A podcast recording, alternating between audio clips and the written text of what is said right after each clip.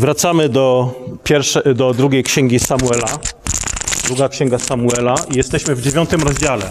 Ten rozdział nie jest długi, przeczytamy go w całości, to jest raptem 13 wersetów. Także jak macie Biblię, to otwórzcie proszę. Druga księga Samuela i przeczytamy od pierwszego wersetu dziewiątego rozdziału.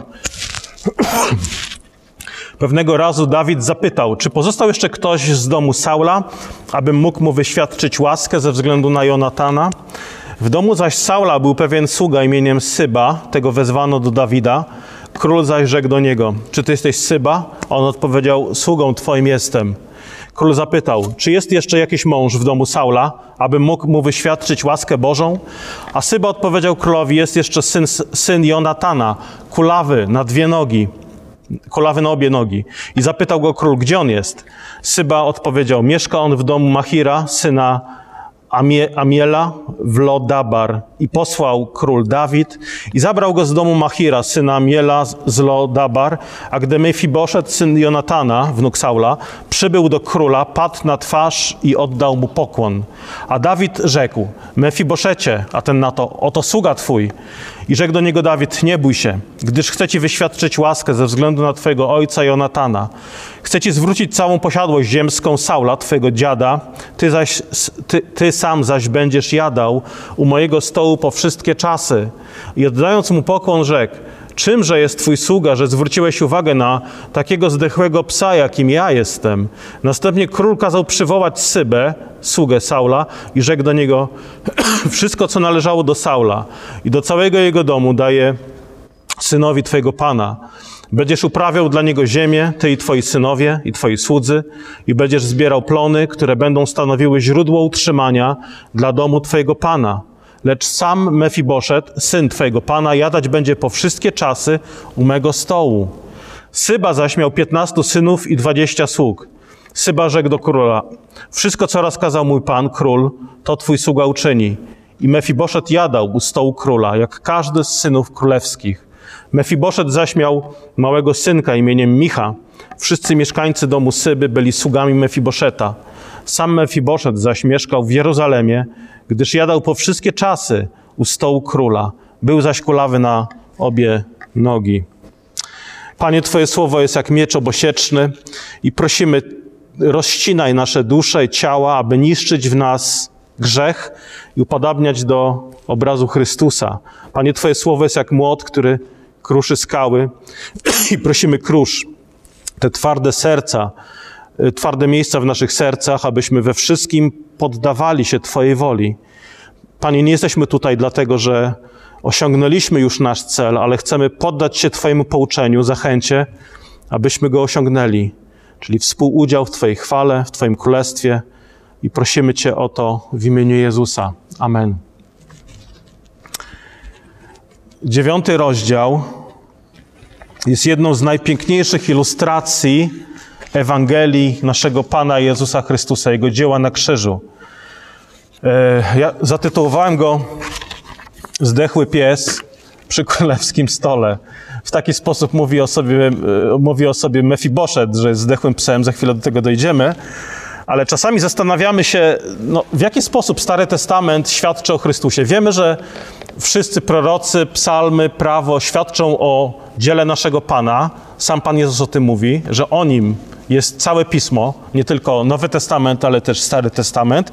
I czasami zastanawiamy się, czytając jakąś historię Starego Testamentu, gdzie tu jest mowa o naszym Panu Jezusie Chrystusie, w jaki sposób poszczególne prawo czy jakieś historie Starego Testamentu wskazują na Chrystusa. Słuchajcie, tutaj, w tym rozdziale akurat nie powinniśmy mieć żadnej, y, żadnych problemów, żadnych trudności z dostrzeżeniem chwały i piękna Ewangelii. Co się dzieje? Dawid odpoczywa po wielu bitwach, które stoczył i rozmyśla, zaczął rozmyślać o rodzinie Jonatana, swojego przyjaciela, który już nie żył. Czyli pyta, czy jest ktoś, komu mogę wyświadczyć łaskę ze względu na Jonatana, serdecznego przyjaciela, który nie żył. Od byłego sługi króla Saula, czyli ojca Jonatana, Syby, dowiedział się, że żyje jeszcze ostatni syn Jonatana o imieniu Mefiboszet. Ten Mefiboszet, on miał, może, on miał e, pięć lat, kiedy jego ojciec Jonatan i jego dziadek Saul zginęli w bitwie na górze Gilboa. Czytamy, że Mefiboszet był kulawy na dwie nogi i yy, stało się to wskutek wypadku, można powiedzieć, upadku, kiedy jego rodzina uciekała przed Dawidem. Czytamy o tym w czwartym rozdziale, w czwartym wersecie, że Jonatan, syn Saula, miał syna kulawego na obie nogi. Gdy bowiem miał pięć lat, a z Jezreel nadeszła wtedy wieść o śmierci Saula i Jonatana, zabrała go jego piastunka, aby uciekać, lecz w pośpiechu tej ucieczki on wypadł jej i okulał. Nazywał się Mefiboszet. Trzeba uważać, jak się nosi dzieci. E, okulał, niestety, teraz tutaj miał, e, w tej historii Mefiboszet ma 20 lat. I teraz skąd to zainteresowanie u Dawida rodziną Jonatana? No, Dawid obiecał, że nie pozbawi rodziny Jonatana swojej przychylności, nawet wtedy, kiedy Pan wytępi wszystkich wrogów Dawida z powierzchni ziemi. Czyli Dawid pamięta o tym zobowiązaniu, Dawid jest człowiekiem honoru, pamięta o obietnicy, którą złożył Jonatanowi i można powiedzieć, spełnia swoją obietnicę, dopełnia przysięgi, więzi przymierza, który, który zawarł z Jonatanem.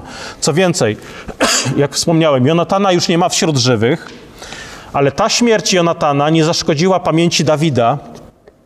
Niektórzy może by szukali pretekstu, żeby czuć się zwolnionym z obietnicy, z obietnicy czy, z, czy z przysięgi.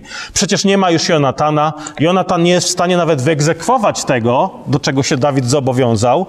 Yy, ale Dawid jest człowiekiem wiary, jest człowiekiem słownym, jest człowiekiem honoru. Pismo Święte mówi, że powinniśmy dotrzymywać naszych przysiąg i zobowiązań.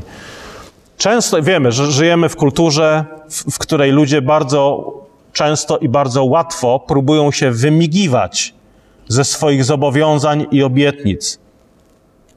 No, ja wiem, ja wiem, że ci to obiecałem. Yy, ale wiesz, minął tydzień, zmieniłem zdanie, nie ma podpisu na papierze. Ale dałeś mi słowo, chwila, dałeś mi, słowo, dałeś mi zobowiązanie. Wiem, ale to, to tylko słowo. Nie ma umowy, nie ma podpisu. Jako chrześcijanie powinniśmy być spolegliwi i słowni. Jeżeli komuś mówisz na przykład, słuchaj, pomodlę się o to, pomodlę się o ciebie, to zrób to, to pomódl się. Jeżeli mówisz, że trzymasz dla kogoś bilet na koncert, to nie oddawaj tego biletu komuś innemu. Oczywiście istnieją pewne lojalności, które są niezdrowe które są, można powiedzieć, duchowo chorobliwe, szkodliwe. Ale w tym fragmencie widzimy przykład dochowania przysięgi w okolicznościach, w których Dawidowi bardzo łatwo byłoby uciec od tych zobowiązań. Tak, tylko Bóg i Dawid wiedzieli o zobowiązaniu Dawida wobec Jonatana.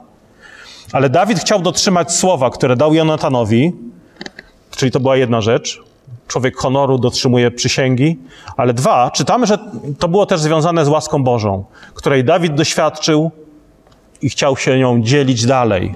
Czyli to, co robi Dawid, należy rozpatrywać nie tylko w kategoriach dotrzymania słowa Jonatanowi, ale też w kategoriach dotrzymania wierności Bogu. I teraz to, to jest kolejna dla nas, myślę, bardzo praktyczna lekcja i zastosowanie. Twoje obietnice, które dajesz ludziom, traktuj tak, jakby dotyczyły Boga. Dlaczego?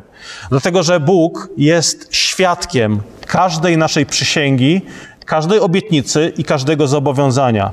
Jeżeli ślubujemy, na przykład podczas ceremonii ze ślubin, jeżeli przysięgamy wierność żonie czy mężowi, ślubujemy to nie tylko jemu czy jej, ale robimy to względem Boga przysięgamy sobie nawzajem wierność przed Bogiem, który widzi i słyszy.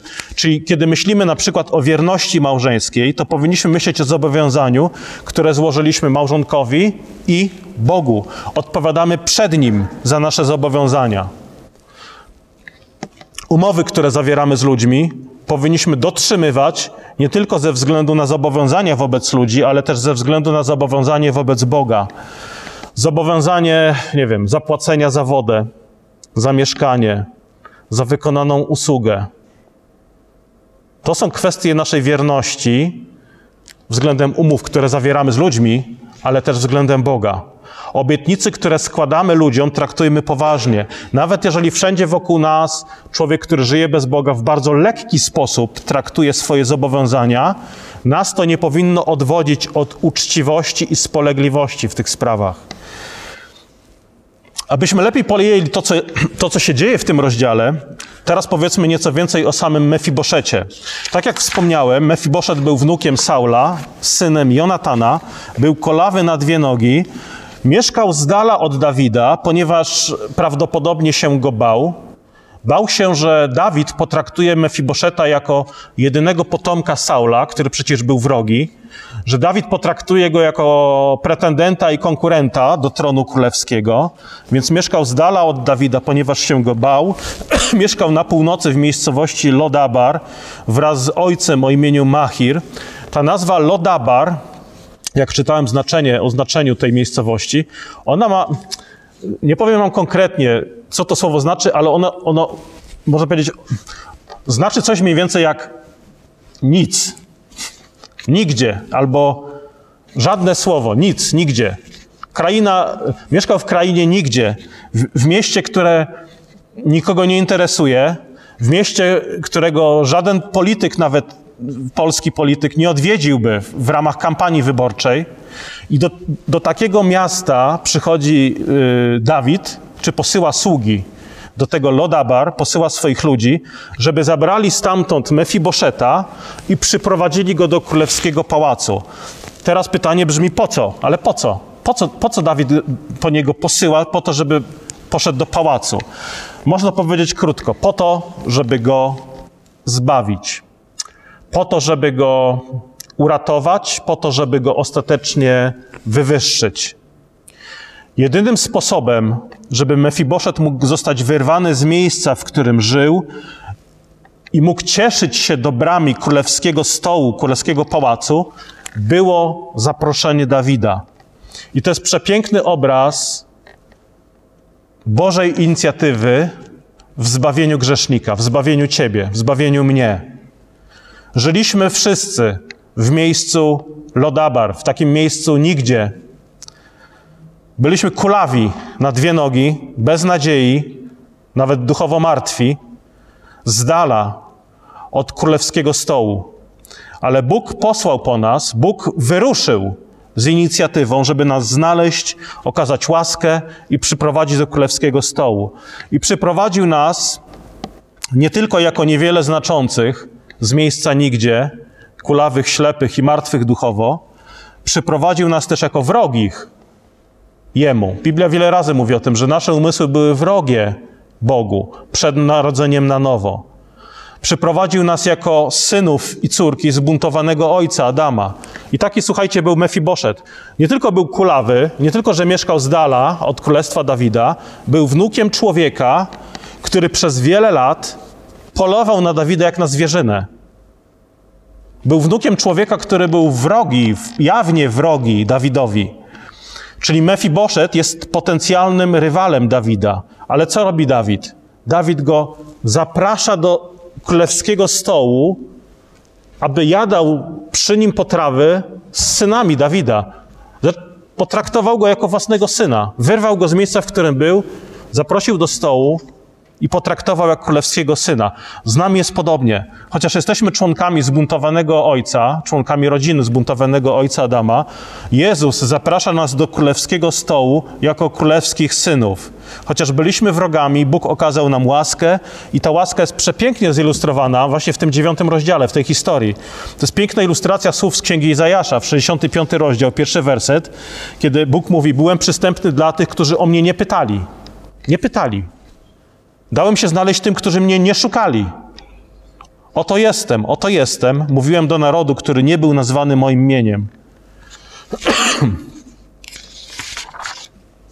Mefiboszet udaje się do Dawida z inicjatywy Dawida. Pewnie jak y, ci słudzy Dawida przyszli do niego, nie miał pojęcia, czego oczekiwać.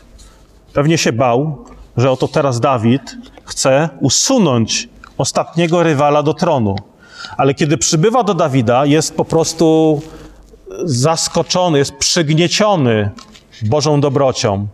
Czytamy, że najpierw Mefiboszet pada na kolana przed Dawidem i oddaje mu pokłon. To też musiało być dla niego trudne z powodu jego niepełnosprawności. Ale Dawid go zapewnił, że słuchaj, nie ma powodów, nie ma powodów do obaw. Chce wyświadczyć mu łaskę, zwrócić posiadłość ziemską Saula i zaprosić do królewskiego stołu. I wtedy Mefiboszet wypowiada te słowa, werset ósmy, oddając mu pokłon rzekł, czymże jest twój sługa, że zwróciłeś uwagę na takiego zdechłego psa, jakim ja jestem. Zdechłego psa. Psy były nieczyste w Izraelu.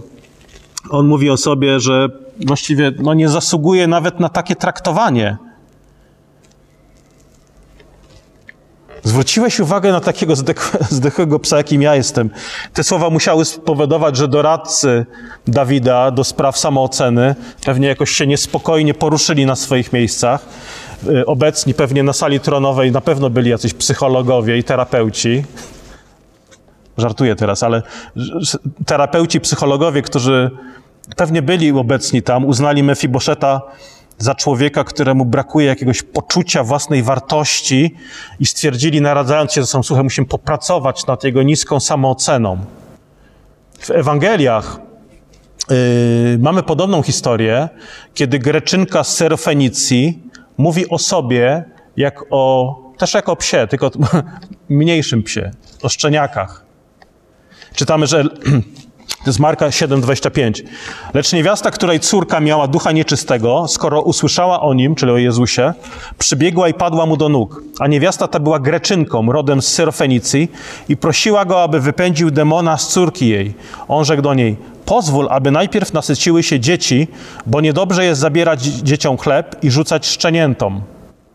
A ona odpowiadając rzekła do niego, tak jest, panie, Wszakże i szczenięta y, jadają pod stołem z okruszyn dzieci. I rzekł do niej, dla tego słowa idź, demon wyszedł z córki twojej. Nie jest dobrze rzucać okruszków szczeniętom. Ta kobieta miała wszelkie podstawy, żeby powiedzieć, co? Jak ty mnie nazywasz? Dzwonię do Rzecznika Praw Obywatelskich, Rzecznika Praw Dziecka i tak dalej, i tak dalej. Ale słuchajcie, to jest warunek prawdziwej skruchy. Panie, Panie, nie zasługuję na miejsce przy stole, ale Panie, choćby nawet okruchy z Twojego stołu. Ale Bóg nie daje Ci tylko okruszków z tego stołu. On Cię zaprasza jako córkę i syna. Panie, nie zasługuję nawet na to, ale, ale proszę. Nawet na okruchy nie zasługuję, ale, ale proszę. Czy, w tym wszystkim nie chodzi o to, żebyś myślał o sobie jako o nędznym robaku, nie chodzi o to, żebyś myślał o sobie źle albo gorzej, ale chodzi o to, żebyś myślał o sobie prawdziwie. Mefiboszet mówi o sobie właściwie, kim ja jestem? Jestem nikim. Żebym mógł zasiadać do Twojego stołu, Panie? Wyraził, że nie ma nic, wyraził, że nie zasługuje na ten zaszczyt. Jedyną jego charakterystyką w Biblii jest to, że był kulawy na dwie nogi. Czytamy tutaj też y, o imieniu, o synu, ale nie czytamy też, żeby syn był jakiś wywyższony, żeby syn coś osiągnął. Pojawia się tylko raz w Biblii. A jednak Mefiboszet jest zaproszony nie tylko po to, żeby mieszkać w pałacu, ale też, żeby jeść przy królewskim stole. I słuchajcie, to jest bardzo ważne, to jest bardzo ważne, że Dawid zaprasza go nie tylko do pałacu, ale zaprasza go do stołu królewskiego. Zbawienie niesie ze sobą nie tylko Bożą deklarację: Ja cię nie potępiam. Zbawienie niesie również ze sobą deklarację: Chodź, zapraszam cię do królewskiego stołu. Oto dary królewskie dla ciebie. Słuchajcie, nie ma chrześcijan, którym Jezus mówi: Przyjdź do mnie, lecz nie do mojego stołu. Nie ma chrześcijan, do których Jezus mówi: Przyjdź do mnie, ale tu się zatrzymaj. Kiedy dzieciom wyjaśniamy na przykład znaczenie stołu pańskiego, znaczenie komunii, to nie możemy im powiedzieć: Bóg znalazł nas, Bóg zaprosił nas do królewskiego stołu. Ale Ciebie też znalazł, Ciebie też obdarzył łaską, ale Ciebie zaprosił tylko na korytarz, żebyś jedynie spoglądał na królewski stół z dala. Słuchajcie, takie, Taka praktyka jest nieprawdziwym obrazem Bożej dobroci. Jeżeli Jezus kogoś wynosi z błota, to przenosi do miejsca najświętszego w niebie, przenosi przed tron samego Boga. Jeżeli Jezus przenosi ciebie przed, do miejsca najświętszego, przed tron samego Boga, to jak komuś takiemu można powiedzieć, masz dostęp do samego króla w niebie, ale nie masz dostępu do stołu pańskiego na ziemi? Jak możemy powiedzieć, słuchaj, nie ma już zasłony między tobą a Bogiem, nie ma już zasłony między tobą a miejscem najświętszym, ale jest między tobą a stołem pańskim. Mefiboszet został zaproszony do królewskiego stołu nie dlatego, że był godny, lecz dlatego, że Dawid, obraz Chrystusa, przyjął go do siebie. Słuchajcie, stół w Biblii to jest symbol społeczności. To jest symbol wspólnoty, łaski i pojednania. Jezus zaprasza każdego z nas i nasze dzieci do swojej obecności przy stole pańskim i karmi nas chlebem i winem. Umacnia nas jako całą rodzinę Bożą, jako całe ciało Chrystusowe. Jezus nie mówi, wzmocnię dzisiaj tych, tych, te największe członki waszego ciała, wasze nogi, wzmocnię wasze ręce, waszą szyję, wasze biodra, ale nie wzmocnię tych najmniejszych. Nie wzmocnię waszych palców, nie wzmocnię waszych paznokci. Byliśmy źli, grzeszni, nadzy, kuleliśmy na dwie nogi, a jednak pomimo naszej bezradności, pomimo stanu godnego pogardy, Bóg okazał nam miłosierdzie i dobroć. On poprzez swojego wielkiego, y, poprzez, można powiedzieć, większego Dawida, przez Syna Bożego, zaprosił nas, abyśmy przyszli na dwór królewski i zasiedli z książętami. Przyszliśmy do królewskiego stołu, wiedząc, że Jesteśmy jak ten Mefiboszet. Panie, no jestem jak nieczysty, jestem jak zdechły pies. Kimże jestem? Żeby wielki Bóg okazał mi swą życzliwość. Byłem zdechłym psem, ale teraz, teraz to się zmieniło. Jestem królewskim synem, jestem królewską córką. Otrzymałem królewskie szaty, królewski napój, jakim jest wino. Tak? Wino w Biblii jest napojem królów mam, mam, mam królewskie rodzeństwo. Moja siostra jest księżniczką, mój brat jest królewiczem, mam królewską rodzinę. Mefiboszet zadał sobie pytanie, no kim ja jestem, żebym poszedł do samego króla? I co ciekawe, zadał sobie, kimże jestem? Jestem zdechłym psem, ale co zrobił? Poszedł, tak? Poszedł do Dawida, poszedł do króla. Słuchajcie, jest coś takiego, co ja bym nazwał teologią robaków. Teologia robaków robi odwrotnie. Teologia robaków mówi, kimże ja jestem, żebym przyszedł do króla, ja jestem nędznym robakiem, więc zostanę na swoim miejscu. Jestem tak niegodny, że panie, no ja po prostu nie, nie. Jestem taki pokorny, niegodny, ja nie przyjdę. Ty jesteś tak święty, a ja taki malutki. Nie, nie. Piotr w swoim liście mówi, że mamy się ukorzyć pod mocną ręką Boga. Po co? A On nas podniesie. Ukuszcie się pod mocną ręką Bożą, żeby On was podniósł. To jest prawdziwa pokora. Kimże jestem? Ale Panie, powiedz tylko słowo. Powiedz tylko słowo, a udam się do Ciebie. Teologia robaków wyznaje natomiast, jestem robakiem, jestem wielkim grzesznikiem, więc odejdź Boże, nic nie poradzisz, nikt nic nie poradzi. Pozwólcie mi dalej być robakiem. Czyli w domyśle, w domyśle, skoncentrowanym na sobie, pysznym narcyzem. Jesteśmy nic nie mający, jesteśmy głusi, nadzy, ślepi. I, I, słuchajcie, to jest warunek konieczny, żeby przyjąć dobrą nowinę. Jeżeli uznamy się za dobrych, godnych, może leciutko zranionych, nie potrzebujesz Ewangelii. Potrzebujesz złamania, potrzebujesz poniżenia i zrozumienia, żeś nędzarz i grzesznik. Ale kiedy ukorzymy się pod mocną ręką Boga, On nas wywyższy. Czyli ręka, która poniża człowieka, który jest pyszałkiem, który się wywyższa. Ręka, która poniża takiego człowieka, to jest ręka Chrystusa. I ręka, która nas podnosi z takiego stanu, to jest ręka Chrystusa. On nas podnosi, on nas przyjmuje, I nie mówi, a, stop, stop. Nie, mówi, przyjdź dalej, zrób kolejny krok. Oto dary przy stole pańskim, królewskie dary dla ciebie. Trzy razy tu jest powiedziane w tym rozdziale, że Mefiboszet ze swojego stanu i miejsca nigdzie, gdzie mieszkał, jest zaproszony do stołu. Werset siódmy. Chcę ci zwrócić całą posiadłość ziemską, mówi Dawid, Saula, twego dziada, ty sam zaś będziesz jadał u mojego stołu po wszystkie czasy. Werset dziesiąty. E, lecz sam Mefiboszet, syn twojego pana, jadać będzie po wszystkie czasy u mego stołu. Werset trzynasty.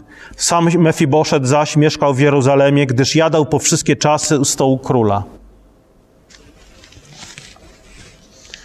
Wcześniej, kiedy Dawid został wypędzony od królewskiego stołu Saula, pamiętacie, bo Dawid przeżywał to, można powiedzieć, odseparowanie, wypędzenie, przegnanie z pałacu Saula.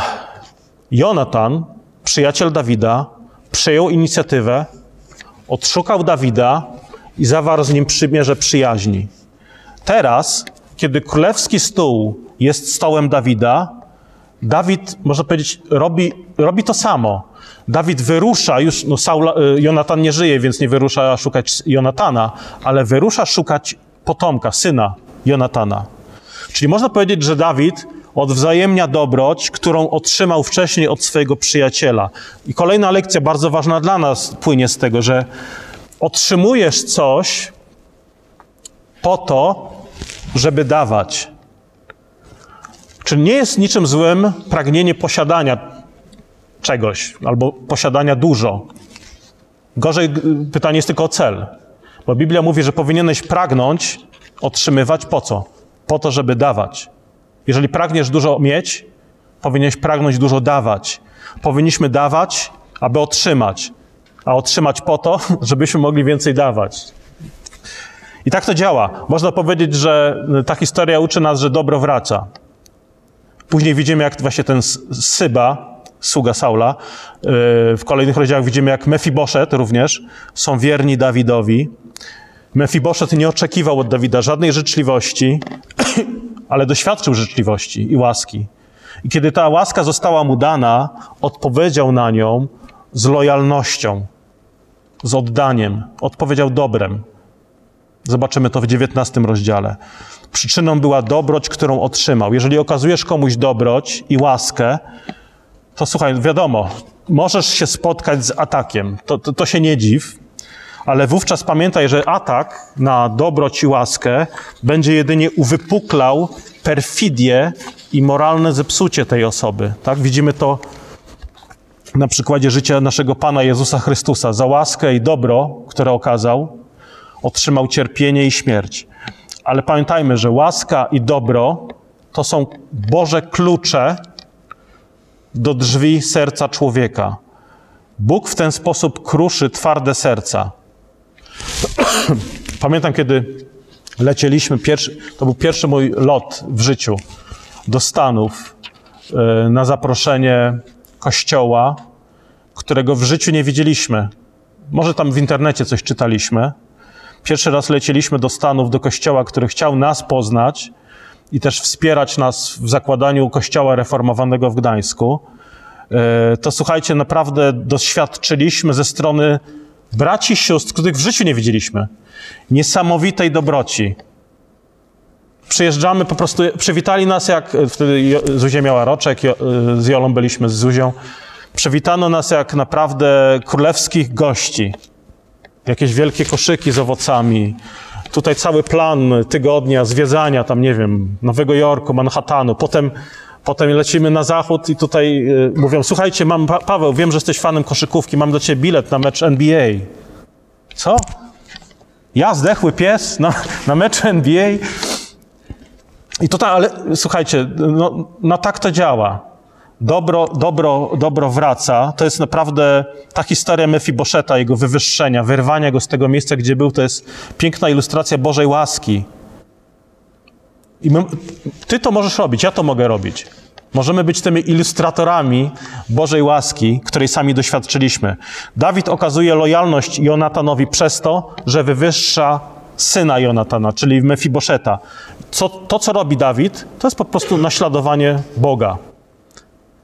Dawid sam doświadczył Bożej łaski, wie na czym polega Boża łaska, bo sam został wzięty znikąd i został wywyższony jako król, wzięty znikąd. I okazuje tą dobroć, której sam doświadczył innym. Bóg okazuje Tobie łaskę, okazuje Tobie dobroć. Po co? Nie tylko, żebyś był zbawiony, ale po to, żebyś dzielił się łaską i dobrą, dobrem z innymi. Ja już wiele razy usłyszałem z ust chrześcijan takie słowa, ale, ale jak? Ja? Jak ja mam się dzielić dob dobrem z innymi? Jakim dobrem, skoro, skoro, nie wiem, nie mam tyle co oni, skoro nie zarabiam tyle co oni, to jak mogę dawać tyle co oni? Człowiek, który doświadczył Bożej dobroci, nie, nie powinien mówić w taki sposób. Jeżeli doświadczyłeś Bożej dobroci, to przekazuj ją dalej. Jak? Służąc i dając to, co masz dzięki Bożej dobroci. Nie dzieląc się nie tym, o czym marzysz, ale o tym, co z Bożej łaski masz. Nie musisz służyć innym, nie wiem, jakimś wypasionym stekiem. Możesz usłużyć na przykład pomidorową. Możesz usłużyć czasem, swoim czasem, swoją uwagą, swoimi czynami. Ostatnia część tego fragmentu mówi o tym, jak Syba, sługa Saula, zostaje ustanowiony nadzorcą ziemi i posiadłości Mefiboszeta z zadaniem dbania o nie. I to znowu kolejny przejaw Boże, Bożej łaski czy łaski Dawida, zarówno dla Syby, jak i dla Mefiboszeta. Czytamy ostatni werset tego rozdziału. Sam Mefiboszet zaś mieszkał w Jeruzalemie, gdyż jadał po wszystkie czasy u stołu króla, był zaś kulawy na obie nogi. Wnuk Saula mieszkał w Jeruzalemie jako dostojnik. Oddano mu jego posiadłość, otoczono względami królewskimi. Dawid miał wszelkie powody, żeby powiedzieć, nie chcę mieć nic, nie chcę mieć nic, nic, mieć nic wspólnego z Saulem, z jego rodziną, z jego potomkiem. To jest wróg. Dziadek był wrogi wobec mnie, Mefiboszet też pewnie będzie knuł. Nie, okazał mu dobroć. Dokonała się pewna transformacja też w życiu samego Mefiboszeta. Podsumowując, trzy krótkie myśli na sam koniec. Po pierwsze, Dawid ilustruje w tej historii Boga, który buduje świątynię złożoną z ludzi. Jak Bóg buduje świątynię? Bóg wysyła ambasadorów pokoju, ambasadorów łaski i mówi, to jest yy, 2 Koryntian 5:20. Dlatego w miejsce Chrystusa poselstwo sprawujemy, jak gdyby przez nas Bóg upomina. W miejsce Chrystusa prosimy, pojednajcie się z Bogiem. Jesteśmy ambasadorami Bożej łaski. To, to robi Dawid wobec Mefiboszeta. Czyli pytanie brzmi tak.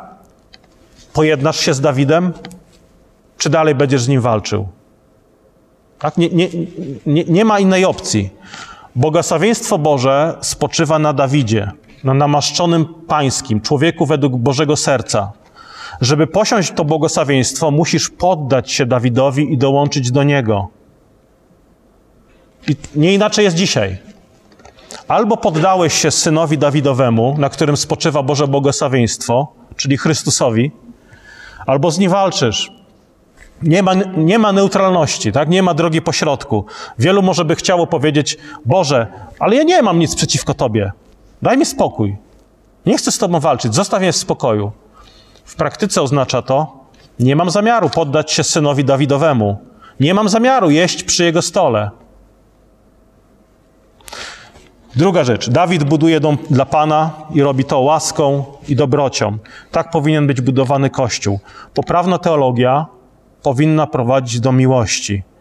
Celem takiego, można powiedzieć, celem precyzji teologicznej, celem wysublimowania teologicznego jest miłość do Boga i bliźniego, a nie chlubienie się z wiedzy. Co oznacza miłość? Miłość oznacza przyjmowanie siebie nawzajem, znoszenie siebie nawzajem bez wzdychania, akceptowanie słabości drugiego, yy, nawet znoszenie i akceptowanie niedojrzałości, Tak? W kościele, Biblia mówi, słuchajcie, w kościele jest miejsce na słabość, w kościele jest miejsce nawet na niedojrzałość, ale nie ma miejsca na faryzeizm. Nie ma miejsca na pogardę wobec niedojrzałości i słabości. Oczywiście nie mówimy, że jesteś niedojrzały, zostań niedojrzały, ale jeżeli chcemy, żeby niedojrzałość wzrastała ku dojrzałości, to się powinno odbywać za pomocą łaski, dobroci, zachęty, miłości bliźniego. I ostatnia rzecz. Bóg się nas nie brzydził, przyjął nas jako kulawe, zdechłe psy i pozwolił nam zasiąść przy swoim stole. Już nie jesteś, nie myśl o sobie, że jesteś zdechłym psem po tym, jak Bóg nałożył na ciebie królewską szatę, zaprosił cię do królewskiego stołu. Jesteś synem i córką samego Boga. I uczmy się od Niego w naszym rozdawaniu łaski. Nie tylko wobec dwóch, trzech, czterech osób, które lubię, wobec których może łatwo nam przychodzi to rozdawanie Bożej łaski. Rozdawaj łaskę niegodnym łaski. Tak robi Bóg. Jeżeli chcesz się przekonać, czy tak jest, spójrz na siebie.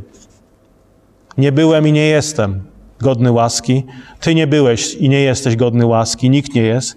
A jednak to Bóg jest dobry. To Bóg jest łaskawy. I wciąż takim jest, wciąż takim pozostanie. I chwała Bogu za to. Pomódlmy się. Dobry Panie, prosimy Cię, aby nasza wiara nie była martwą wiarą, żeby nasza wiara była kompleksowa, można powiedzieć, i czynna, czynna w miłości. Chcemy, Panie, by Twoje panowanie przejawiało się w każdej sferze naszego życia. Niech Twoje słowo uczyni nas jeszcze odważniejszymi, jeszcze mądrzejszymi, jeszcze bardziej kochającymi czcicielami Twojego imienia. I prosimy o to w imieniu Jezusa. Amen.